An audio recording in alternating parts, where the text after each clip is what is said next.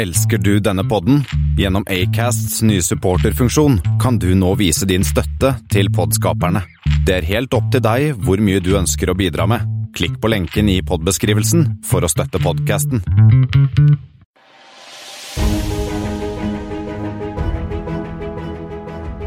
Vi i Flypodden er stolte og glade for å ha fått Indra som sponsor. Hvem er Indra, spør du kanskje? Har du ikke hørt oss i Flight 85? Der er vi nemlig og besøker Indra, som holder til i Asker og er verdensledende på ILS og systemer til flyovervåkning og kommunikasjon i tårnet. Og dette det utvikles, produseres og skippes fra Asker utenfor Oslo. Som vi hørte da vi var og besøkte Indra, så er det et selskap i kraftig vekst, og det betyr at de trenger flere flinke folk. De er i dag ca. 200, for det meste ingeniører, og de trenger enda flere. Om du vil jobbe med de aller flinkeste folkene i bransjen, de som lager de kuleste og beste produktene som selges til flyplasser over hele verden, og det i naturnære og trivelige Asker, ja, da er Indra trolig stedet for deg. Akkurat nå søker de etter bl.a. systemteknikere, systemingeniører og utviklere. For å lære mer om hva Indra gjør og hvordan det er å jobbe i selskapet, kan du besøke flypodden.no slash indra.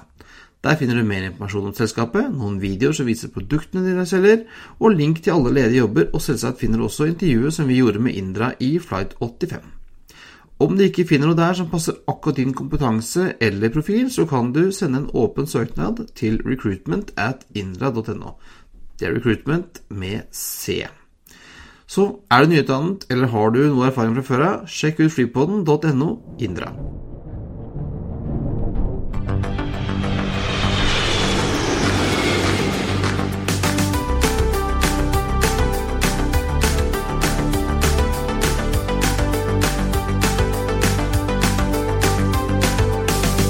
Hei og velkommen til Flypoddens Flight 87. Som vanlig hører du meg, Espen Næss, og Kristian Kammer. det har blitt eh, 4. desember. Eh, Det er godt og isete ute, mens du har vært på tur, Kristian. Eller turer. Ja, vi har jo eh, Jeg har vært på flere turer siden det. Eh, Vi har kalt Flight 87 for This Little Piggy. Eh, Og jeg var jo en tur eh, til Stockholm på lørdag. Ens særen for å fly den siste 600 hjem til Oslo. Det skal vi snakke mer om i løpet av sendingen. Og så var jeg en tur i Glasgow søndag til mann, eh, tirsdag. Og dit går det ingen direkte fra Oslo. Eh, nei, så kikka litt rundt. Det endte å bli, med å bli British Airways via Heathrow. Eh, og på det første legget fra Oslo til Heathrow så fløy jeg altså denne BEA-rettigheten. Å, topp for en nerd. Åh, det var nydelig. Det var jo den var helt lik inni, men på utsida så var den jo fin. Så jeg måtte klappe litt på den, da. Og hvordan funket eh, utenriks til innenriks eh, på Heathrow? Ja, det er Altså, du må jo gjennom eh, Du må gjennom passkontroll og en ny security check, selvfølgelig. Det er jo litt uh, pain. Men heldigvis så har du jo veldig mange I motsetning til Gardermoen så har du jo mange sånne elektroniske passkontroller som faktisk virker. Så, så det går veldig, veldig raskt faktisk å komme seg gjennom passkontrollen. Ja. Eh, Så lenge man ikke reiser med barn og sånne ting, så gikk det greit. Eh, Jeg landa en stund før tid, så vi hadde god, hadde god, tid. Satt, satt på Heathrow og kosa meg. Det var jo litt uvant å fly uten et gullkort som fungerte. Ja, for du fløy også BA, ja. så det var sånn ikke var, ikke var det fast track, ikke var det lounge, ikke var det priority boarding. Jeg hadde priority group 4, faktisk. Ja ja. Fordelen med at det ikke er free seating, da. Ja da, eh, men det var, folk hadde jo med seg så mye bagasje, så det var jo et uh, Vanskelig for meg å få plass til jakka mi, faktisk. Men uh, jeg syns BA var, det var fint, det. Det er jo ingenting Alt er jo buy on board i Economy. Men uh, jeg spiste Jeg kjøpte ikke noe mat. Men jeg fikk med meg to sånne Speedbird-øl på vei tilbake igjen. Ja, for de er også litt sånn eget eh, Jeg skal ikke si det er deres bryggeri, men de har også et eget øl. Sånn jubileumsøl, Ja. var det ikke det? Br- Brewdog har laget en sånn eh, Speedbird eh, 100-årsjubileumsøl. Og jeg har ikke smakt på den selv, for jeg skulle kjøre bil. Ehm, eh, men min bror, som jeg reiser sammen med, han eh, har smakt på den både i lufta og på bakken. Og hans dom var at den faktisk var litt bedre på bakken enn i lufta. Du burde jo ha tilpasset den lufta, sånn at den ikke var så god på bakken. Ja, det, ja, det er det de sier, da. Ellers så syns jeg at eh, Jeg har jo alltid likt eh, T5 på Heathrow, men altså, nå syns jeg den var litt trang. Jeg syns nesten T2-en eh, var bedre. Du, jeg har aldri vært på nye T2. Jeg har vært på alle de andre gamle høla av noen terminaler på eh, Heathrow. Og T5 du, jeg, jeg har aldri følt meg alene der. Nei, det er, eh, det er ganske mye folk. eh, Så jeg syns jo egentlig at, at T2 var litt bedre. Eh, Har jo Kan det jo at eh, Jeg brukte jo tilbake vel en eh, to, litt over to timer der um, sist, ute blant uh, allmuen. Jeg er jo ikke vant til å gjøre det på, på T2. Da sitter jeg jo inne i senatorbransjen og koser meg. Men um, det er jo altså mye bedre enn gamle T3. Det er jo Ja da, men den, den hadde jo sin sjarm, for jeg, jeg, jeg, nesten savner litt det. Ja, jeg, jeg var blant annet da jeg var student uh, i Skottland, skulle hjem på juleferie. Da hentet jeg, jeg dro via Heathrow.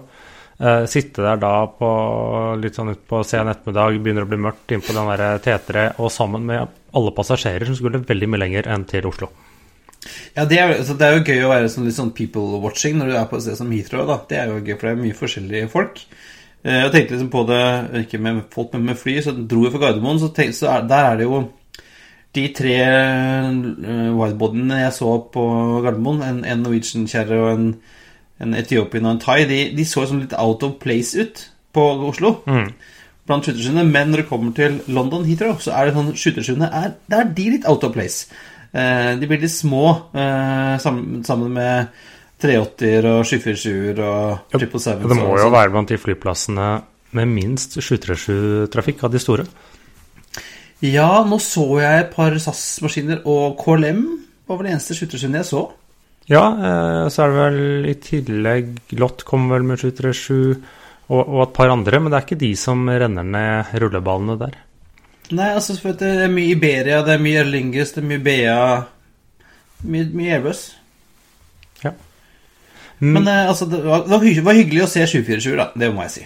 Ja, nei, for det får man jo sett der. Men skal vi hoppe til Du har funnet om flighter, du, Christian? Det stemmer. Flight 87. eh, Jeg begynner med LX87. Det er Swiss. Det er Swiss. Jull eh, ZRH. Y er jo alltid Canada, og Jull, det er Montreal. Montreal er et A330. Eh, Og så har vi OS87, som går Wien til JFK. Ja, det er Austrian. Eh, 777-200. Og så har du LH87, som går Düsseldorf-Frankfurt. Det er en av disse eh, og short haul Lufthansa med lavt flightnummer. Ja. 320. Ehm, så da er det ikke noe vanskelig å finne, finne sammenhengen her, Espen? er det det? ja, vi er nå på Lufthansa-gruppen. Ja. eh, Og så fant jeg faktisk eh, en SN87 også. Eh, Men den har slutta å gå. Den gikk Brussel, eh, Palma til Mallorca. For alltid, eller er det sånn sommerrute? Nei, så den har ikke gått på to år, så jeg tror den er, sånn, den er ferdig. Men de er også sånn da, Brussel og Lufthansa. De gjør litt det samme som SAS. Jeg, jeg syns det er best at dette er de lange flightene og skal de korte numrene. Eh, ja, det, det, skal, det skal liksom være det, da. Men så er det alltid noen som skal ødelegge moroa. Eh, men eh, apropos moro og ikke moro. Vi har en liten ulykke. Vi har en ulykke. Vi har en Fedex 87. Eh, som var en MD11. Ja? En DLVF. Eh, som krasja i Subic, på Subic Bay eh, på Filippinene under landing. Var på vei fra Shanghai, skulle til Subic Bay. Eh, hadde tre crew om bord. Nei, to, sorry. Eh, to crew om bord, eh, som begge dessverre omkom. Dette skjedde 17.10.1999 på kvelden. Eh, og tror Altså, det var et eller annet med, med, med at crewet ikke klarte å lese airspeed på riktig måte under langning, landing, så da kom det inn litt for fort, da, tydeligvis. Og kjørte av rullebanen. Ja, for det, slik jeg forstår det, så var det noen av airspeed-indikatorene som viste riktig, og noen som viste feil, og de så på den som viste feil.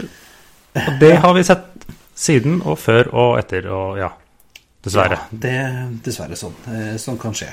Det var heldigvis ingen andre enn de to. Det var masse electronics og klær, visstnok, i denne. Ja. Uh, men uh, vi får hoppe til nyhetene, Christian.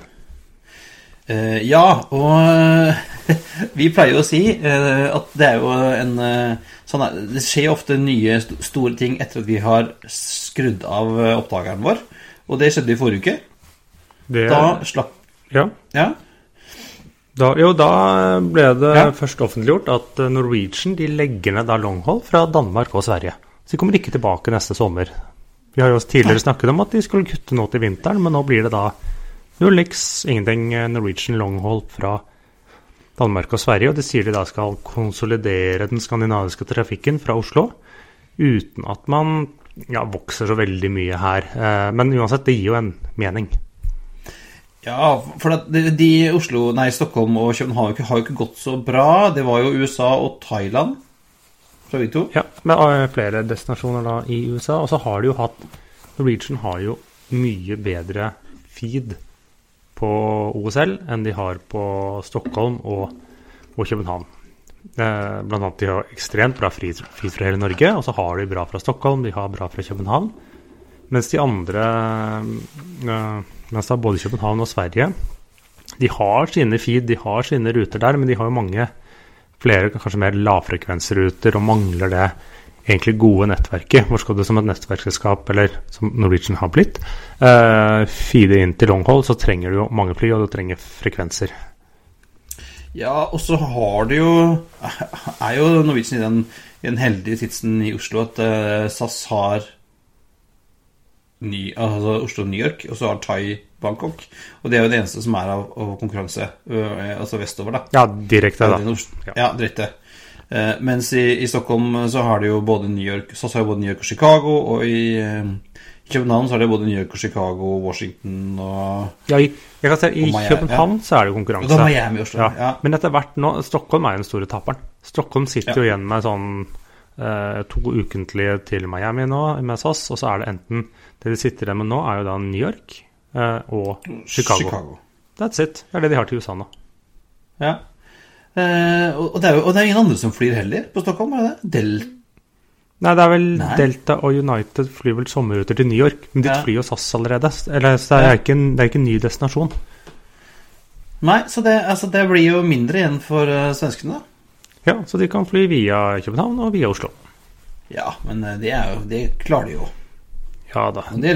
Ja, men det er liksom den uh, Og så sier man altså Norwegian at selv til neste år Vi har jo hørt det før, uh, men de skal jo da ha De regner med er det en seks, sju, åtte Dreamliner som kommer til å være parkert, også nå til sommeren pga. motorer. Ja, og, og dette, er- så dette, dette er jo en, en del av dette kostnadskuttprogrammet som Norwegian har for å gjøre seg selv lønnsomme. Eh, Og jeg kan jo skjønne at hvis du har ruter som ikke går så himla bra, så er det bedre å kutte de enn drive og betale masse penger for å wetlease maskiner. Ja, altså, Det er jo en veldig god indikasjon på hva som kuttes nå. De kutter ikke de lønnsomme rutene. Men samtidig så ser man nå til neste sommer De vokser bl.a. fra Paris, de vokser fra London. Så hadde vel også noe vekst i både planlagt Roma og Barcelona, tror jeg. Så det er, liksom, det er litt interessant å se at det er ikke at det kuttes overalt. De vokser jo på mange markeder. Jo, jo, men altså, det er jo, dette er jo større markeder. Både Paris, Paris og, og London er jo det er mye mer folk å ta av. Selvsagt, selvsagt. Og det er liksom det også de sier, at de skal drive low cost, så er jo volum viktig. Eh, og fra Oslo så eh, fly, flyr de fortsatt eh, Bangkok, men det blir bare Det blir trolig bare vinterrute. De skal ikke inn til sommeren. Den er ikke helt avgjort, men det er det de eh, sier. Og så blir det jo da de til disse klar. amerikanske destinasjonene. Det er vel Los Angeles, San Francisco slash Oakland, det er eh, JFK har de vel bortimot daglig på. eh, Orlando, Fort Lauderdale. Eh, det kan godt være at det kommer mer også. Eh, men eh, det viser litt interessante De kutter Asia, fordi at de kan ikke når de kutter Bangkok, så kan de ikke skylde på overflyvningsrettigheter for Sibir. Nei, for den går jo ikke om Russland. Nei, nei, Norwegian har kunnet fly så mye de vil til Sørøst-Asia, i hvert fall fra Norge, og med deres norske sertifikater og slike ting. Eh, Men det viser jo seg at Asia kanskje ikke er en gullgruve. Nei. Det, og det, og det er, for der er jo kjempekonkurranse eh, fra eh, Gulf-selskapene. Ja, og de, og, de. og de asiatiske selv. Ja, jo. Eh, Men eh, det blir spennende å se. Men nå snakket vi om at ting som skjer rett etter vi har eh, spilt inn. Men den, i dag så kom det også nyheter rett før vi spilte inn. Å, yes! Endelig! Eh, for vi har jo Du og jeg har jo lurt på hva skjer med Argentina. Eh, det er litt sånn eh, politisk uro der igjen. Eh, det er ikke så lett å drive business der nede. Eh, Og nå kom jo den nyheten som vi egentlig hadde venta på. At vi hadde vel trodd at Norwegian skulle legge ned Argentina, men nå kom nyheten i dag om at de selger Norwegian Air Argentina til JetSmart. Ja, og JetSmart er jo da disse Indigo-fondet sitt selskap, som egentlig holder til i Chile, men også har begynt å liksom eh, sette opp en argentinsk operasjon. Og jeg er sånn litt usikker hva man selger. eller sånn, for Normalt når man selger en virksomhet, så er det jo flyene som er primært for et flyselskap. Men disse er det Norwegian fly, de henter de tilbake til Europa. Så det handler vel om er det rutesikkert ruterettigheter, slotts, en slags organisasjon. Eh, og det er nok litt sånn etterpåklokskapens navn, så kunne ikke Norwegian vite at Argentina skulle devaluere, den politiske situasjonen skulle bli verre. Men det er et land med høyt høyt det. Ja, det er høyre, altså, som vi har sagt om det, altså, det kunne gått begge veier. Og det gikk til den veien som mange Ja, tenkte. og jeg tror ikke de har egentlig har tapt så mye på det, men de ser bare at ok, sjansen til å tjene penger her er ikke til stede. Og litt stygt sagt, men begge de sakene vi har vært innom nå, er det jeg kaller opprydningen etter Bjørn Kjos. Ja, eh, og det er jo Nå er det jo ikke så lenge til eh, Jakob eh, skal på plass. Jakob Skram skal på plass. eh, Og da er det jo fint at han kommer til litt rydda bord og fått bort en del av disse gamle skjelettene. Ja, fordi, eh, Som kan være en del av, av longhold-satsingen og Argentina. ja, for de selger jo ikke bare at de skal, skal selge, men det var liksom omtrent selge på dagen. Selv om de tre flyene de har, skal tøffe rundt der inntil seks måneder, og da komme tilbake til Europa til eh, sommeren. Og samtidig i dag så endret de også litt på ledergruppen. Hun som har vært Helga Bollmann Leknes, som har vært kommersiell direktør nå et år. Og kun to år i selskapet forsvinner ut. Eh, relativt kort karriere. Og inn kommer en fyr som heter Marty St. George, som tidligere har hatt rollen som kommersiell direktør i JetBlue. Ok, interessant. Eh, Så får man se. Jeg vet ikke noe egentlig mer om det, men de slapp en pressemelding nå ja, for en times tid siden. Time, time før vi skulle da spille inn i dag. Ok. Ja, eh, interessant. Eh, og vi, dette henger jo sammen med som at Norwegian er jo et, et norsk selskap, men, men tenker jo mye mer nå på, ut, på utsiden av Norges grenser. Og da kan det være godt å ha noen som har erfaring fra utlandet. Ja, du kan jo si sånn eh, Jeg mener jo fortsatt selv det spiller ingen rolle om en CEO-en hadde eh, luftfartserfaring eller ikke. Det tror jeg ikke, men akkurat når du skal liksom inn i kommersiell direktørrollen, Så er så er nok kanskje du det en fordel, ja.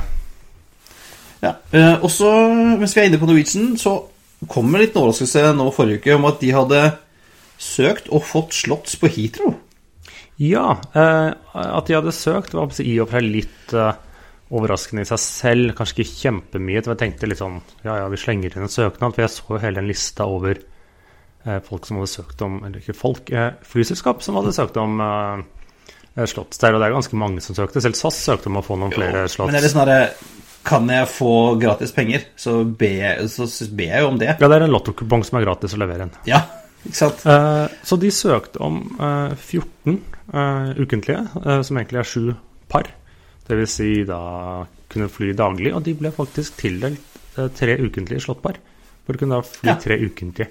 Ikke på de helt beste tidene, og ikke samme tid hver dag, men det blir spennende å se om de velger å benytte seg av disse. Det har vært rykter om både ja, Det er noen eh, rykter til at de skal kanskje fly noen ruter til USA og liksom prøve å få et fotfeste. Eh, men vi skal, det er heller ikke besluttet om de faktisk kommer til å benytte seg av dem. Eh, husker jeg rett, så har de vel fram til midten av måneden på å bestemme seg om de ønsker å bruke dem eller ikke.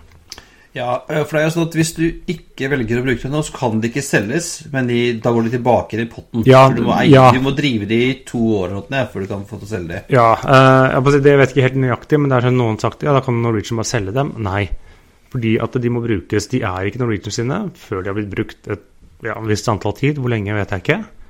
Eh, eh, sånn at det er liksom ikke bare å, å selge dem slik som det. I tillegg til det så er de eh, Det er ikke prime time slots, men jeg kan si, greit nok hvis vi vil ha en litt sånn leisure-rute, f.eks. et sted etter Florida. Ja, og det, og det kunne man jo tenkt at man skulle, at gjort her, eller Sør-Amerika f.eks., for, eksempel, for det er ganske lite, lite konkurranse, priskonkurranse i hvert fall, fra Heathrow. Så kunne det vært sånn at man, man kjørte den her inn på en sånn slags W, hvor de siden starter i på JFK, da, så går den til eh, Ja, altså altså, du har en eller annen sånn uh, kombinasjon av, av ruter hvor du ikke trenger å basere flyet på Heathrow. Nei, nei det, det blir nok ikke, men de vil nok eh, inn fra sine si, amerikanske Jeg kan ikke kalle dem baser, men stasjoner. Ja, si du kunne si at du flyr fra Fort Lauderdale da, til Heathrow, og så tilbake til Fort Lauderdale, og så tilbake til Gatwick, kunne man gjort, eksempel. Ja, det er en eh, typisk eksempel eh, på det. Det er jo sånn det er gjort i, i, i Spania, eh, blant annet. Og til Torp var jo en sånn herre eh, rute, tror jeg. Ja, den var, ja, den, den var, ja, for den, Torp var jo operert fra de spanske rutene, Ja, som forsvant når de la ned den basen i Malaga eller hvor nå det var. Husker ikke. Nei, så, så så, Jeg tror vel at de kommer til å så godt, jeg, tror, jeg tror at de kommer til å beholde de og bruke de. Fordi at det, du får foten innafor. Du har, har du først fått slått, så har du større sjanse for å få flere. Eh, Og kunne utvide denne til å bli mer enn tre ganger, tre ganger, da- ganger ukentlig. Da. Ja, nei, men det blir eh, spennende å, å se. Det er ikke alle uh, Hitra har vist seg å være en honningkrukke for, men har kanskje vært et forsøk. Og tre ukentlig er jo ikke all verdens kapasitet å putte inn heller. Nei, nei. Eh, og vi har jo før, Espen, sagt at eh, denne podden handler om eh, alle mulige fly. Men fly som ikke med vilje tar livet av folk, har vi vel sagt, tror jeg. Ja, det er i hvert fall Vårt fokus er jo sivile fly. Men eh, vi må nesten nevne denne saken her om militære transportfly i dag. Ja, for norske staten har jo hatt, eller norske forsvaret har jo hatt sine gamle Hercules C-130-fly stående med det, Har man møllkuler i ørkenen? Kanskje ikke? Nei, ikke De kalles jo at de, at de er mothballed, men jeg tror ikke det er så mye møllkuler. Det er vel med mer teip og, og plast. Men de har altså stått nå i ganske mange år i ørkenen ute i, i Arizona et eller annet sted. Men nå er altså de eh, fem gamle Herculesene fra Luftforsvaret solgt. Det var ikke de som hadde sånne sprukne vinger og alt mulig rart? Det, var, eller, det hadde kanskje blitt fikset? Ja, de er vel motorfiksa. De er blitt solgt til noen som heter um, Colson Aviation. eh, og de skal bruke disse flyene som bombefly. Ja, med vann eller pulver. Ja. ja. De skal nå bli konvertert til eh, brannbombefly. Og brukes til å, å, ta, å ta livet av amerikanske skogbranner. Det er jo en, en hyggelig skjebne for herkulesene. Ja, det er eh, en god bruk av de. Så de skal vel leveres til Colston i løpet av 2020. Eh, Det betyr vel at de skal eh, gjøres, klargjøres, da, tenker jeg. Og settes, skal de vel da konverteres til, eh, til brannbombefly. Det blir fint. Men det som ikke er så fint, Espen, det er konkurshjørnet ditt, for der har du fått uh, flere besøkende. Der er Eller- ja, halvannen, i hvert fall. Ja, Nei, vi kan jo begynne. De, de kaller det ikke en ordentlig uh, konkurs, men tyrkiske Atlas Global er et uh, tyrkisk ja, Driver litt med innenriks og litt med litt sånn ferie og leisure og uh, Litt usikker på om det er tyrkere som skal hjem på ferie og satset på, eller uh, andre europeere som skal dit på ferie. Men uansett, de påstår det ikke er konkurs, men de har suspendert driften. Ja eh, sånn, vi, vi kunne ikke fly akkurat nå av, av liksom finansielle årsaker, men vi kommer tilbake igjen, altså. Ja, Lover. Ja, for de eh, stoppet da å fly eh, forrige uke og sier at ja, vi skal være tilbake fra 16. desember, som er da snaue to uker til. Men en liten bøtt, da, for jeg har liksom eh, fulgt med litt på hva har skjedd med flåten deres. De hadde en sånn rundt sne, Var det en 15-20 fly? De Ja, er jo for de er hentet har jo tilbake til leasingselskapene. Så hva de skal komme tilbake med 16.12., det lurer jeg på. Ja, for du har jo pappaperm og øh, har lite å gjøre om dagen i og med at du har begynt å sende kiden i barnehagen. Så du, jeg så du hadde lagd en veldig fin oversikt over øh, hvor SAS sine forskjellige fly er basert. Basert på flightradar. Ja, man kan sitte eksempel og drikke kaffe og sitte på flightradar og gjøre litt eh, sånne ting. I tillegg til masse, masse husarbeid, da. ja, mm, det tipper jeg. jeg får spørre Liv om det. Uh, og, men de er ikke de eneste som driver og snuser borti hjørnet ditt, Espen. Nei, vi har da Hong Kong Airlines. Uh, de er jo egentlig en del av dette HNA Group, som disse Hainan tilhører osv. De var de som tidligere eide disse HK Express, som Norwegian levde noen sånne nedår til, og som Ja. ble solgt til Cathay. Eh, men eh, de har jo slitt. De har slitt med å ta imot eh, leverte fly. De har nå annonsert flere rutekutt. Og de får ikke vise film. Nei, og de har måttet stenge ned på Inflight Entertainment. Det er sikkert ikke betalt noe avgift der. Men nå har da myndighetene sagt foten ned at enten så må dere forbedre deres finansielle stilling innen en eller annen gang denne uken, eller så drar vi inn lisensen deres. Og de har jo både i bestilling masse fly og i tillegg fått levert. De har flere nye ja, A330-maskiner, A350-maskiner og ja, osv. Ja, det er jo, disse er jo eier som sa, av Hainan Group, og de Ja, altså som er jo et, største eier, og så er det Ja. masse andre lokale helter inne i bildet også. Men de har jo litt sånn, de sliter jo litt eh, Den rute, Oslo-ruta forsvant jo Det er jo ikke helt Alt står ikke bra til hos Hainan Airlines, tror jeg. Nei, eller HNA, hele, HNA gruppen da, Group, som uh, De fikk jo oppdaget plutselig at de hadde litt mye gjeld. Ja, men det, det kan skje den beste, det, Espen. Ja da. Men uh, noen som har pådratt seg mer gjeld, uh, er jo United, for de har vært ute og bestilt fly igjen. Ja, men de har en sunn økonomi. Eh, Man melker jo det amerikanske innenriksmarkedet. Det er lønnsomt det, for de tre store der. Men uh, uansett, ja. De slapp nyheten i dag uh, at de har bestilt 50 A321 XLR, som jo er da den A321-maskinen som kan fly langt, som kommer sånn Kommer om to-tre år. Uh, og som da sier, de sier det rett ut, dette er vår 757-erstatter.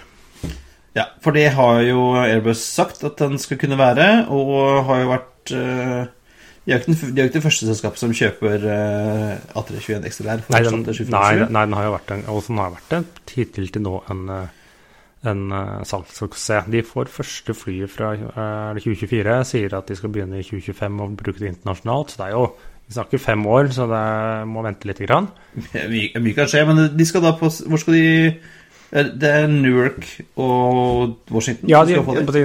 eh, det de liksom trakk fram nå, da, er at dette kan brukes Eller det skal brukes som en 1-til-1-erstatter som 757. Det var liksom punkt 1. Og så sa de også at dette muliggjør en transatlantisk ekspansjon til liksom tynnere ruter. Eh, fra eh, Washington og fra New York. Ja, det, det som 757 gjorde back in the day. Ja. Eh, men da til en vesentlig lavere kostnad.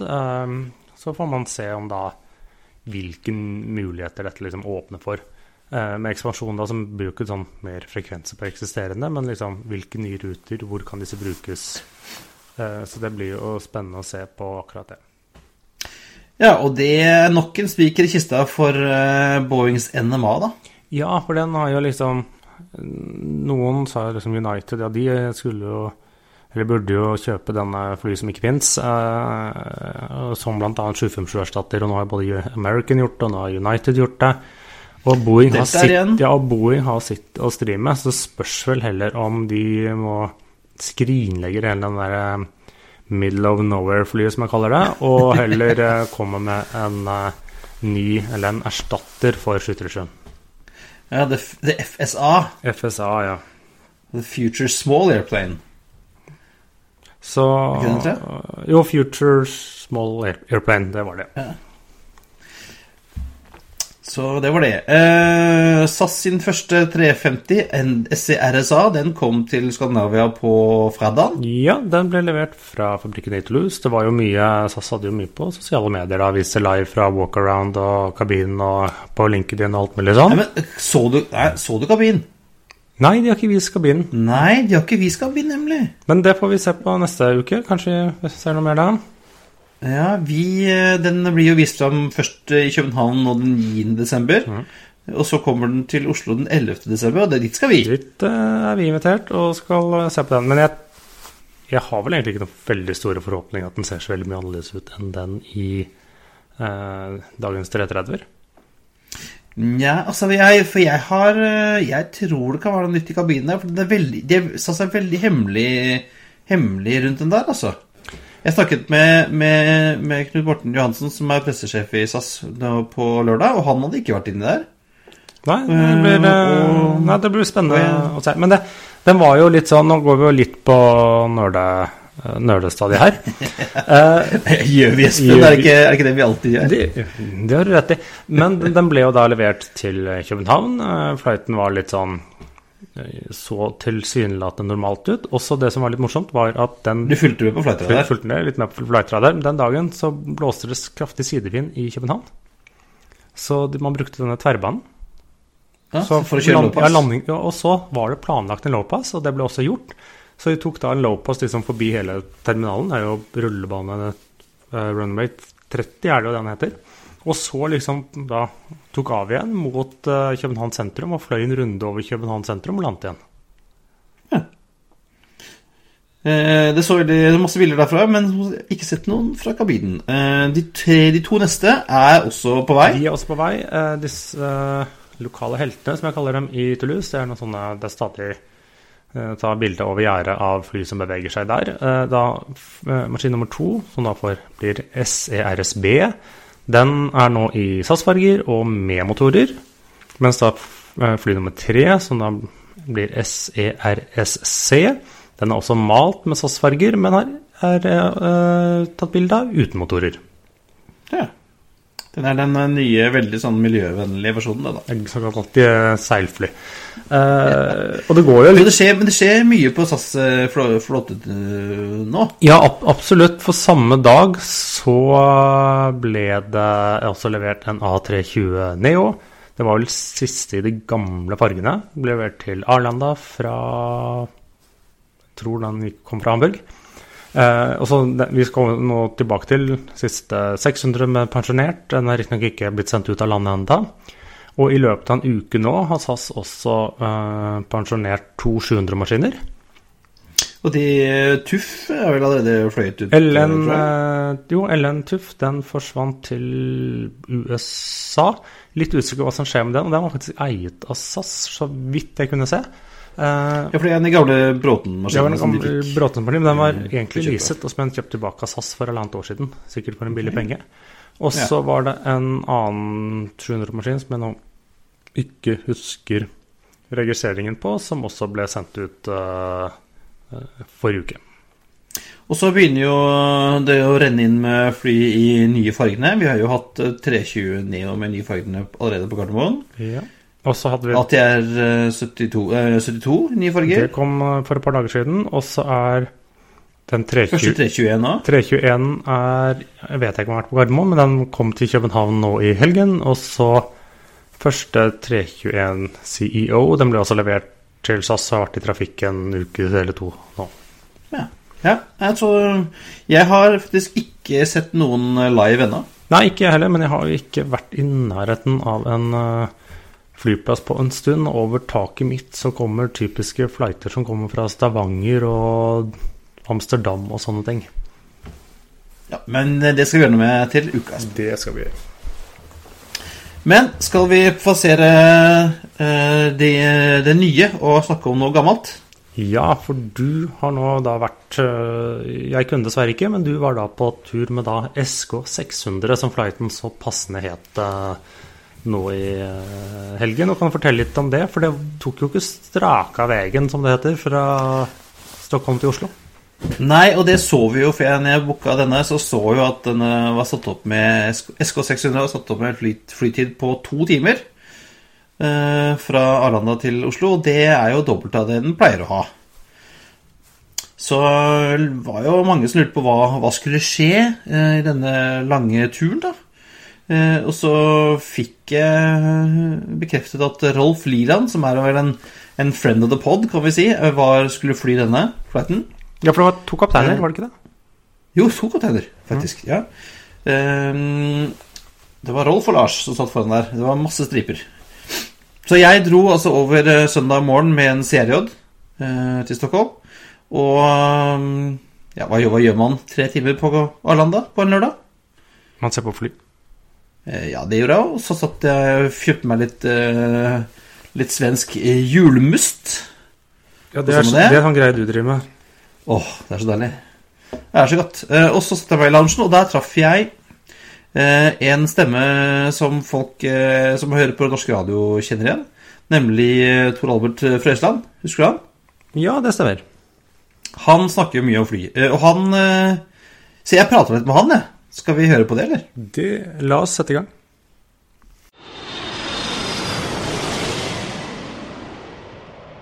Ja, da er det klokken eh, blitt eh, halv ett, eh, og jeg sitter i SAS-loungen på Arlanda sammen med en kjent stemme fra NRK. Kan ikke du bare introdusere deg selv? Tor Albert Frøsland, journalist i NRK Nyheter.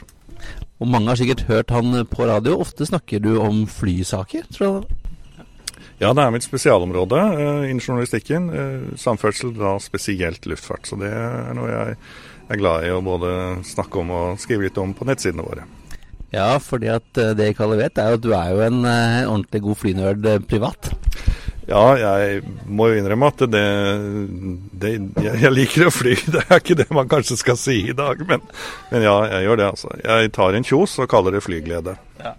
Uh, og i dag er du her helt på privaten. Det er ikke noe, du er ikke oppdrag for Statskanalen eller noen ting? Nei da, her er jeg bare på såkalt pure pleasure for å dra hjem til Oslo med den uh, siste flighten med en uh, 737-600 i SAS. Har du noe særlig forhold til denne lille grisen? Nei, vet du hva. Eh, det er ikke så ofte jeg har vært ute og flydd med den, så det er også litt spesielt at jeg får gjøre det eh, så lenge den går. Den er jo, det er jo det siste flyet, den skal jo fases ut. Og det er jo ikke så mange egentlig som har operert 600, eh, for den var jo egentlig ikke en spesielt stor suksess for Boeing. Nei, og for meg som økonom, så vet jeg at den har jo ikke vært særlig lønnsom heller. Det er jo en grunn til at den eh, tas ut av trafikk nå. Ja, eh, maskinen denne vi skal fly med i dag er vel 20 år gammel, så den er egentlig ikke så gammel eh, når man ser på, på levetiden til, til, hva en 737 kan, kan ha. Da. Men eh, ja, det er jo kost-nytte, som det heter. Det spiller jo selvfølgelig inn eh, for ethvert selskap. Men den er jo en god maskin på kortbanenettet, eh, og den er jo en sånn kortbanemaskin i, i SAS-sammenheng. da. Ja, kortbane i SAS. Jeg tror ikke du får den her ned Hasvik? Nei, det gjør du nok sikkert ikke. Da må du over, må du over fra jet til, til, propell, tror jeg. Du får den alltid ned, men det spørs om du får den opp igjen. Ja, det krever vel litt. Eh, og det er jo nå, har jeg sjekket, der det bare Air Algerie, eh, Tunis Air og WestJet som har noen igjen. Ja, OK. Eh, et av de selskapene har jeg flydd med, det er Tunis Air. Men eh, det var 727. Eh, ja, og den, um, nå, det, nå, skal vi jo uh, få vite at vi skal fly nå tilbake til uh, Oslo med SK600. Det er jo morsomt. Det er jo ikke et vanlig flightnummer, det, tror jeg. Nei, det er et spesielt flightnummer SAS har satt opp, fordi dette er en spesiell flight. Og ikke nok med det at flightnummeret er spesielt. Turen er dobbelt i tid av hva det normalt har mellom Arlanda og Oslo lufthavn. Så vi skal fly i to timer. Vet ikke helt verken hvor eller hva som skal skje i løpet av, de, i løpet av den ekstra timen, eh, men vi får bare ta det vi får med det største ro og, og smil om munnen. Vi har, noen, vi har, noen, drømmer. Ja, jeg kunne jo godt tenke meg å, å se et radarbilde f.eks. Eh, hvis vi kunne flytte utover Østersjøen og kunne sett at han tegna opp en eh, maskin. Eller i hvert fall fløy slik at det blei en maskin på, på radarbildet. Men spørs hva de får lov til også, da. Er det en low pass over København? Ja, Vi får håpe det. Hvis, det. hvis det, er aktuelt, så kan jo det være veldig gøy. Da blir det jo en low pass i dag òg, i likhet med det ble i går, da de mottok sin første 350. Så kanskje de tar en low pass i dag for å ta avskjed med sin 737 600. Har jo ikke vært noe særlig mye i Danmark, egentlig. Det var jo mye i Norge og Sverige den her eh, opererte. Ja, um, etter hva jeg forstår, så Danmark er jo et lite land. Um, så de har jo, og Danmark har vært satt opp, eller SAS Danmark har vært satt opp uh, i den senere tid i hvert fall veldig mye med, med Airbus. Men også med mindre selvfølgelig uh, maskiner på, på, destinasjoner der det er aktuelt. Men denne vi skal med i dag, har gått veldig mye innenriks i Sverige. Ja, for På morgenen der så har den jo tatt en tur til Malmö, og er den vel tilbake derfra? Ja, etter hva vi har skjønt på, på kapteinene her, så har de hatt en rundtur, morgenrundtur ned til Malmö. Og så er de kommet tilbake hit til Arlanda nå og driver og gjør klart for, for vår spesielle retur til Oslo og Norge. Ja, Da skal vi snart uh, pakke sammen her og drikke opp uh, Pepsi Max-en vår, og så skal vi gå ned i, uh, i gate 6A og se hva som venter oss. God tur! Ja, og jeg visste jo at han uh, syntes det var gøy med fly, men at han var så nerd, det jeg ikke, visste jeg ikke. Spent. Ja, for dette var jo en flight for spesielt interesserte, må vi jo helt ærlig kunne si. Ja da, og vi fant ut at det var vel omtrent 60 passasjerer om bord på den, halvfull maskin. Uh, og det ble opplyst uh, i gate at uh, dette var en litt spesiell flight. Uh, og så vi kan jo Ja, det skal vi kan høre på litt forskjellig etterpå, men det var altså ble gjort, gjort godt klart for eh, alle om bord at dette var litt Det var ikke noe helt som vanlig. Og så traff jeg Jeg sto der i, i, og venta på å gå om bord. Så var det jo Kjente jo igjen alle nerdsene med lange linser som sto og ventet. Og, og jaggu så traff jeg ikke konsertsjefen i Avinor, gitt. Ja, for han var også på tur. For han har vel faktisk ratta disse flyene, har han ikke det? Som det heter jo, på godt norsk? Så jeg tok en liten prat med Dagvold Pedersen, ja, hvor han fortalte litt om sitt forhold til 77600. Skal vi høre på det? Og blant, og blant uh, pressefolk og, og, nerds uh, så står Dag Falk Pedersen, sjefen i Avinor her. Du har et spesielt forhold til 777-600, har skjønt? Ja, det var jo med når denne flymaskinen ble introdusert for mange år tilbake, i 98. Så, og de 600 jeg var borte og henta, ikke denne her, men en av de også i Seattle. Så jeg har fløyet den her lenge og har stor glede av å ha vært om bord og levd dette flyet. For Du har fløyet den ganske mange ganger som skipper Da? Absolutt. Jeg fløy den helt frem til fra 98 til 2010. Og Hvordan mener du at den her skiller seg fra de større modellene? Altså Det som vi merka til å begynne med, var at den var jo litt mer vinglete uh, enn det de store etter hvert uh, som vi fikk inn uh, var. Men det er jo en veldig kjapp og fin flymaskin, og aldeles utmerket på norsk innenriks. Ja, for det er noen som kaller den for kortbanemaskinen? Ja, altså den, Det er jo omtrent som en 700, da, for så vidt. Men den er, det er en veldig hendig og fin flymaskin. Og 120 seter eh, passer veldig bra på veldig mange av destinasjonene i Norge. Kommer du til å savne den? Vet du, jeg legger ting bak meg, så eh, det har vært en, grei flymaskin, eller en fin flymaskin for SAS. Og eh, så kommer det nye fly inn og tar over, så sånn er det jo. Eh, kanskje mer er vemodig å si at F-16 går ut, som jeg var henta i sin tid, også det. Så, så, men OK, det er, det er, det er en epoke som er bak oss. Fløy du disse sju år, eller? Spitfire? Nei da, ikke så ille. Tusen takk, Dag. Nå skal vi gå om bord. Ja, det skal bli spennende. Jeg gleder meg til turen. Jeg visste ikke at han hadde fløyet den hjem, Espen. Nei, det var jo ikke Det var, det var også nytt for meg. Det er jo sikkert liksom spennende å kunne hente et helt nytt fly. Så han fløy den første 777-600 hjem til Gardermoen, var, men ikke denne her. da, Denne hadde han jo ikke fløyet fra Seattle, men han hadde jo fløyet den og mange andre 600 rundt omkring i løpet av årene. Så det var ganske vanlig boarding. Jeg kom om bord, og det var jo tydelig at crew syntes det var litt gøy med alle som skulle klappe på, på flyet og ta bilder og, og, sånn. Så det var jo et, et, et crew som hadde, hadde det veldig gøy på jobb. Og som syntes det var gøy å være med på denne flighten, da. Good afternoon, ladies and gentlemen, and welcome to our last flight with our Boeing 737-600 series. Jeg heter Lars Wilde og har fått ærefull oppdrag å være kaptein om bord. Min kollega som sitter foran her og gjør siste forberedelser etter Rolf Liland, altså kaptein, og til sammen har vi fløyet Boeing i ca. 35 år. Dette flyet, Geirmund Viking, ble levert i april 1999, så det er drøyt 20 år siden det kom inn i flåten. I dag er det slutt. Her står Victoria, som er purser, og hun skal fortelle litt om serviceopplegget underveis. Vi kan by på litt av hvert. Også fra cockpiten her skal du få høre litt av hva vi driver med underveis. Men planen er å fly til København.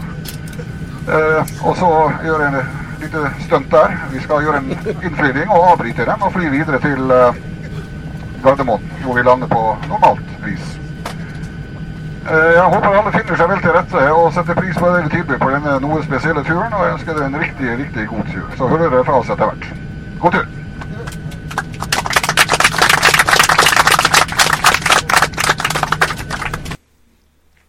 Så det første vi gjorde, var jo å fly ned mot København. Og så tok vi en ja, Vi fikk en low pass, så tok vi på det som var kalt for en missed approach.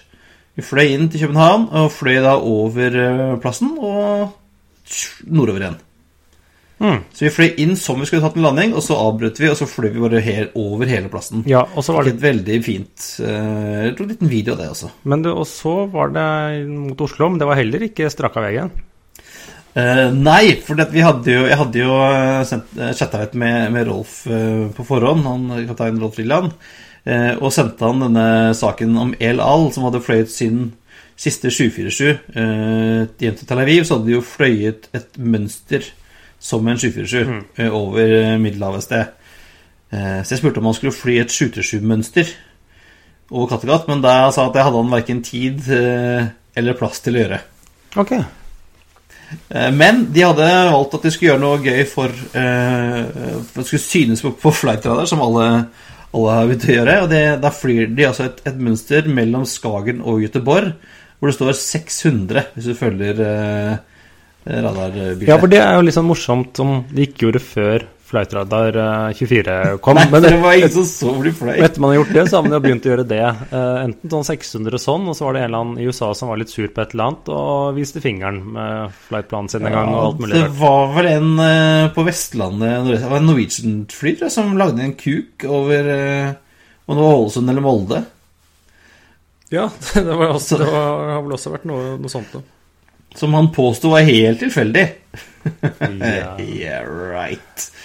Tipper han var fra Kristiansund eller noe, siden han gjorde det der. Men det ble altså to, eh, to fine rundinger først, og så dette sekstallet, da. Som vi, der vi akkurat måtte kysset Skagen omtrent. Så grenen der. Så det var gøy. God dag, god dag. Hallo. Kjennes du da? Var det greit? Ja. Nå har du, nå har du fløyet en, et 600-tall. Ja, vi har flyttet 600-tall, forhåpentligvis. Vi har ikke sett fasiten, men vi har fått tilbakemelding fra, fra tyskerne. Vi har fått tilbakemelding fra eh, eh, København ETC om det ser veldig bra ut. Er det første gangen du har skrevet noe i lufta? Eh, som jeg vet om, ja.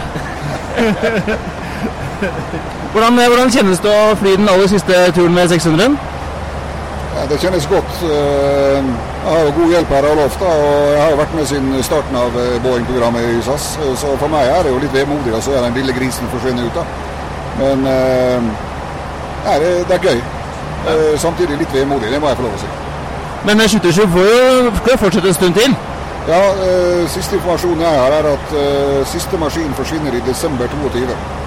Ja, Så blir det en stund til å fly gris. Ja da, og, eh, men det er en litt større gris og litt gøyere kanskje. sånn eh, Blant flyspotter og andre interessenter så er denne lille 600-en her den lille grisen. da. Så de andre er veldig fine å fly, de òg, absolutt. Hvordan er skyttersky 600 å fly i forhold til de andre? Eh, Den er kanskje den enkleste å håndtere, for den veier litt mindre. Han klarer seg på litt eh, kortere rullebaner og litt dårligere forhold, for det er mindre vekt og energi, selvfølgelig. Jeg syns flyet flyr eh, aldeles utmerket, og eh, det kommer jeg til å savne. At den er enkel og grei å ha med å gjøre og manøvrere. Men er det sånn at den har samme motor som de større, men da vil man jo kunne Er den raskere liksom opp, eller?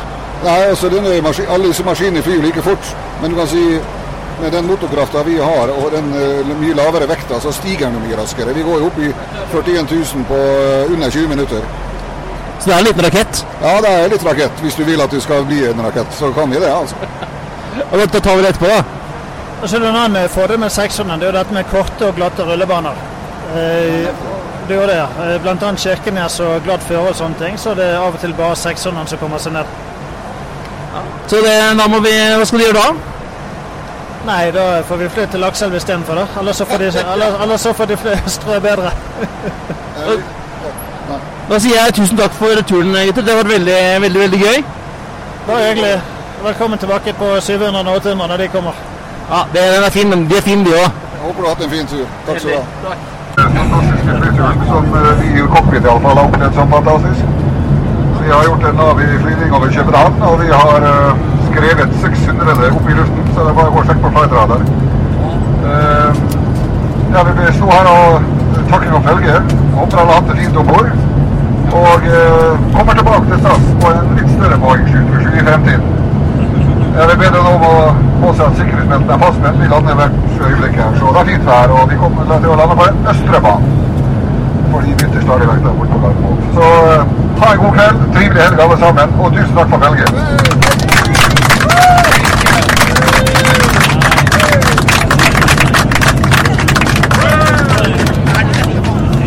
Eh, og så var det vanlig inn til Oslo, og eh, det er vel ikke Jeg tror sist, sist jeg fløy et norsk fly, og det var eh, applaus for landing, det var eh, Granca 89.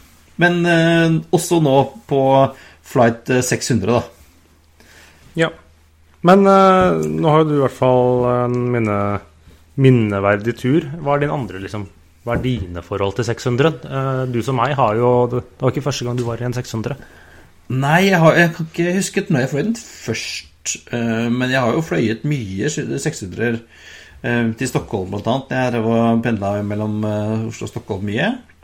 Og jeg liker jo den. Jeg syns jo den lille, lille feite grisen er litt søt, det, da. Jeg liker den stuttjukke lille. Mm. Nei, den er eh, Jeg også den har vært litt sånn Ja, skal jeg si eh, Litt kul. Jeg har jo mine flighter med den selv. Jeg er ikke helt sikker på når jeg fløy første, men jeg tror eh, jeg først fløy den. Den har vært noen år i, i SAS sin uh, eh, tjeneste. Jeg tror det var i år 2000. Eh, hvor da, da var jo bl.a. disse skytterturene ikke som i dag, hvor de liksom er Oslo-baserte. Da var de basert bl.a. i København. Ja, eh, stemmer. Og så hadde de jo Nå tror jeg ikke de har det, men de hadde jo altså den der Eurodassen. Hadde de jo. Ja, den med vinduer. Og, og, men det, det var sånn, min, min første flight med den det var også en litt sånn uvanlig rute som man ikke tenkte på. Det var da for jeg bodde i København og skulle til Sandefjord. Så jeg fløy med SAS 737 600 eh, Til? København til Torp. Ok. De, de hadde da en periode, det var, det var høsten Det var høsten 2000, hvor de da hadde en nightstop på Torp. De kom inn med en 600 på kvelden, og så Den var faktisk full. Men de, de hadde jo som sagt eh, Ja, de hadde jo to konfigurasjoner på denne. De hadde en, liksom en domestic-variant, som er ganske lik som slik den ser ut i dag. Ja, og så hadde de den eh, med full hjulklass. Ja, hvor da de fem Var det fem eller fire første radene var eh, Ja, de hadde litt sånn Det var justerbare seter, men de var stort sett justert til bare liksom to, to seter på den A-raden. Ja, så det var sånn eh, to pluss tre Ja. egentlig. Og jeg hadde en, også en minneverdig tur med den skulle til Edinburgh da jeg studerte, og så fløy via Stockholm. Og da ble det plutselig satt opp en sånn, og så var det fullt fly. Og så syntes de jeg var ung, kjekk og lovende, så jeg ble oppgradert ved gaten og plassert i et sånt sete. Det var ikke, det var ikke dumt. Nei, så det er liksom mine hva skal jeg si, minneverdige turer med 600-en. Og så er det jo liksom morsomt jeg ser kan, man si, Man har fløyet en del eh, SAS, hvordan liksom en del ruter da har vokst i størrelse. Som tidligere, liksom eh, de siste årene, eller ganske lenge, så har jeg typisk fløyet én gang i året til Zürich. Det var, Og da var det 600. det var alltid 600 før. Nå er det 700 og 800. Og jeg syns hver gang jeg flyr dem, det er litt sånn høysesonger riktignok, de er fulle. Så før liksom fylte de en 600, nå fyller de en 700 eller en 800. Jeg tror nesten jeg har mest 800 nå de siste to årene ditt.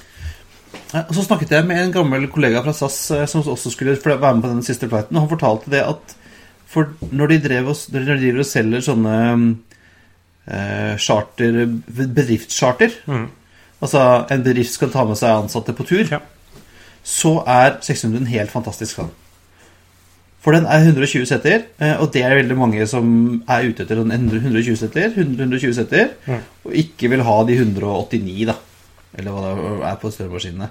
Nei, men vi kan jo komme litt Vi går over til sånn generelt eh, 600-tema nå. Så er jo det Jeg ser det at ikke vi kjøper alle setene, men for flyselskapet Når SAS flyr en en Oslo-Bergen, så koster det jo dem omtrent like mye enten de sender en 600 eller en 700. Ja, for Det er, det er problemet med 600-en.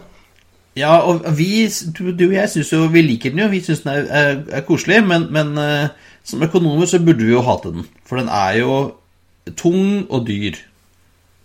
Ja, for den, den skulle jo erstatte da denne 500, som var jo en i og for seg Jeg vil ikke kalle det kjempesuksess, men ålreit suksess med 389 solgte. Eh, Blant annet Bråten Bråtens fløy jo rundt med de i, i Norge. Og så Norwegian hadde jo en. Norwegian hadde kanskje en i oppstarten, eh, som funket i og for seg, men den Og så liksom kom denne NG-en, som da ble eh, litt tyngre og større. Og så liksom lagde en shrink av den, eh, som da ble den eh, 600-en, som da liksom veide Den veier mye. Eh, og har da liksom relativt få seter å dele kostnaden sin på. Det er jo like mange i kabin, det er like mange piloter som på en 700. Ja, og, og motoren er de samme. Og jeg, som, jeg, som du hørte han eh, kapteinen sa, så er det jo den har jo bra kraft. Den, den tar jo av fort. Ja, ja for den, den er fin på korte baner.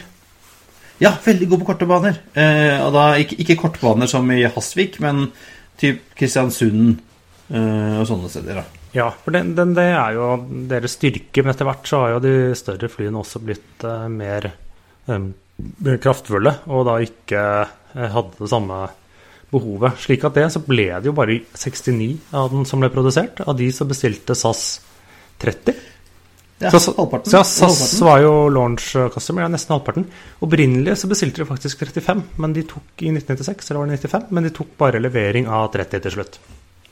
Ja, de ble vel konvertert til 700, de der. Ja, 700 og 800 Ja, og sånt. Altså økte de ordrene og eh, For de hadde vel 30, var det 35 i bestilling og 35 opsjoner, eller noe i den duren. Eh, de hadde vel 30, men de hadde, jeg tror de aldri hadde 30 i drift sånn veldig lenge, over, eller i hvert fall over veldig lang tid. De hadde liksom Men ganske lenge hadde de 28, før de da liksom de siste årene har gått eh, gradvis eh, nedover. Eh, og så har jeg sett på hvilke andre, hvilke, hvilke andre selskaper flyr dem. Eh, det er da fire selskaper, eller egentlig tre, eh, som har dem i drift. Det er Tunisair har sju, Air Algerie har fem. Alle er levert sånn 1999 til 2002. Ja. Ja. Uh, og så er det noe som heter Janet Airlines. Eller Og kalles Janet Janet Area Airlines. 51? Ja, det er disse shuttlene til eh, US Air Force som brukes bl.a. til Area 51 og litt sånne ting. Slik at de kan man ikke kjøpe eh, billetter hos. Eh, men de, det var seks maskiner som opprinnelig ble levert til China Southwest, som liksom er en del av Air China-gruppen. Og så er det da den nåværende største eh, er av WestJet, eh, som da fikk De var litt eh, oddball, for de fikk sine først levert i 2006, og er desidert de yngste 600-ene som er blitt levert. Og da visste jo, hadde du spurt SAS, så visste jo SAS at de her var ikke særlig lønnsomme allerede da. Nei, noen burde tatt en telefon. Disse skulle også egentlig få winglets, men så viste det seg at det var sånn bare WestJet som var villig til å betale hva det skulle koste å installere winglets eller sertifisere det, så da ble det kansellert. Eh, Ja, så det er vel, de, det er vel eneste 737-modellen som ikke har fått winglets, da. Ja. Uh, og så hadde da Lauda Air, som da også ble kjøpt opp av Austrian, de hadde to maskiner. Uh, to? Veldig rart. ja, hvorfor bestille to maskiner? Og så ungarske Male, Malev, som gikk konkurs i 2012. De hadde altså seks maskiner. Og det som kjennetegner, da ser du bort fra disse seks maskinene som ble levert til China Southwest, så er det vært Når disse kommer ut av tjeneste, så blir det skrota. De har ikke vært noe ettermarked. Det var liksom SAS klarte vel å selge eller leie ut noe til noe som heter Fly Globespan, et eller annet sånt selskap som gikk konkurs der, hadde én ja. en eller to. Uh, så var de klarte å liste ut noe som heter Er det E-Star Jet, et sånt uh, low cost-selskap i, uh, i Korea. Men det har vært, det har vært typisk har liksom ikke helt eh, eh, ja, Det viste seg det fantes ikke noe ettermarked for dem. Annet enn skroteren å bruke som delefly på de andre større boingene. Eller resirkulering, som det heter. Men ikke skroting, da. Ja, resirkulering. Ja, for de er jo visstnok uh, I hvert fall SAS SAS er jo i veldig god stand, så de, de burde jo kunne fly videre. Men eh, de blir nok uh, strippet for deler og Ja, resirkulert. nei, fordi det, var kanskje en flytype som passet bedre til ta 90-tallet. Da var det eh, for det første var det high, si, høy yield. Folk betalte mye for flybillettene sine, og det var ikke noe poeng å pøse på med kapasitet, for da ville du bare presse prisene, og drivstoff er billig. Nei, Det var jo perfekte størrelsen. Det var som liksom MD87 også var jo den perfekte størrelsen for et selskap som SAS. da. Eh, 100 seter ish er jo helt supert for eh, den type operasjoner. Ja, i hvert fall så lenge det, når det er liksom hvis du, ja, hvis du klarer å ha litt sånn begrenset konkurranse, så klarer du å liksom strupe tilbudet og slipper å selge billetter på salg. Det var jo det SAS levde av. Ja, ja. men nå er det slutt, Espen. Eh, Den har, det er mulig å se den, tror jeg. Det Hvis du klarer å komme deg inn på SAS Teknisk. Kanskje vi ser den til uka? Ja, vi får se. Det blir eh, Det blir eh, spennende. Mens eh, Jeg spurte, jeg spurte om det var lov å ta med seg suvenirer, men jeg fikk, jeg fikk nei på det. Er det noen ganger så spør man ikke, er det ikke det? Nei. Men jeg hadde, altså vanskelig å ta med seg hjul, da. Hvis jeg hadde jeg hadde egentlig lyst på Egentlig. Du, I Sør-Afrika klarte de å ta med seg motoren. noen, Så. Ja, så hvis noen har lyst til å gi meg en eh, julegave, så ønsker jeg meg et uh, 737 600 dekk. Kan sendes i posten hjem til meg. Men uh, ukens anbefaling er vel da ikke å bestille eller kjøpe seg en 600, men hva er den, Christian? Har du noe for oss? Jeg har en, en uh, anbefaling. Uh, den er ikke så veldig flyrelatert. Det er en liten flyscene i denne filmen som jeg skal anbefale denne gangen. Uh, men det er altså en film jeg så på flyet til Glasgow. Og det er Netflix-filmen The Irishman. Ja, og, har du sett den? Nei, jeg har ikke sett den. Jeg har bare så vidt uh, hørt om den. Jeg har Netflix, så jeg får vel se den etter hvert. Men den ja. Det, det, som, uh, som jeg syns er så fantastisk spennende, er jo at den er uh, Hovedrolleinnehaver er Robert De Niro. Og i tillegg til han så har du altså Al Pacino, Joe Pesci, Harvey Keitel og han som spiller allelske Raymond. Han, han Raymond, liksom. Ja, Bortsett fra han, så har det jo en lineup som vi kanskje har sett i en del klassiske filmer før.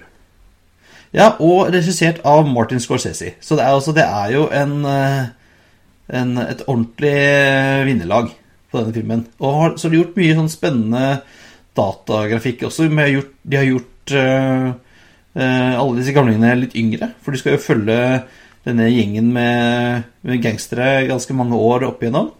Så vi går for uh, Oscar Var ikke Oscar han derre sminkekategori? CGI, tror jeg. Det er, det er, det er med sminke. Her er det noe CGI-greier. Men også en veldig, veldig kul, uh, kul film. Uh, fantastiske skuespillere. Uh, fine tidsskildringer. De følger jo som sagt denne gjengen i 30-40 år.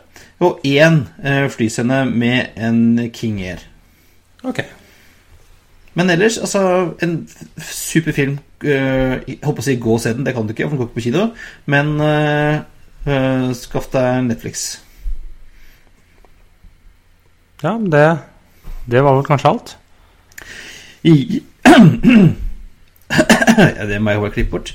Uh, det var det, Espen. Det er på tide å feste setebeltet, rette opp stolryggen og sikre frisikt ut av vinduene ettersom flight 87 er på vei inn til landing. Som vanlig finner du linker og bilder på flypodden.no. Delta gjerne i diskusjonen på facebook.com flypodden, og følg oss på flypodden, uh, at flypodden på Twitter og Instagram. Ikke glem å abonnere på Flypodden i iTunes eller din foretrukne podkastspiller, så får du nye episoder med en gang de kommer ut. Tilbakemeldinger, eh, grov kjeft, eh, invitasjoner til visninger av nye fly kan du sende til hallo at flypodden.no. Ha det bra. Ha det bra. För att just ni valde att flyga med oss idag. Vi är så glada för att ha haft er ombord hos oss på denna sista flygning med våran lilla gris Boeing 737-600. Och vi hoppas såklart att ni kommer ombord till oss igen. Vi hoppas snart få hälsa er välkomna ombord igen på något annat flyg. Och vi önskar er alla en fortsatt trevlig kväll och en riktigt trevlig helg. Tack för oss och på återseende.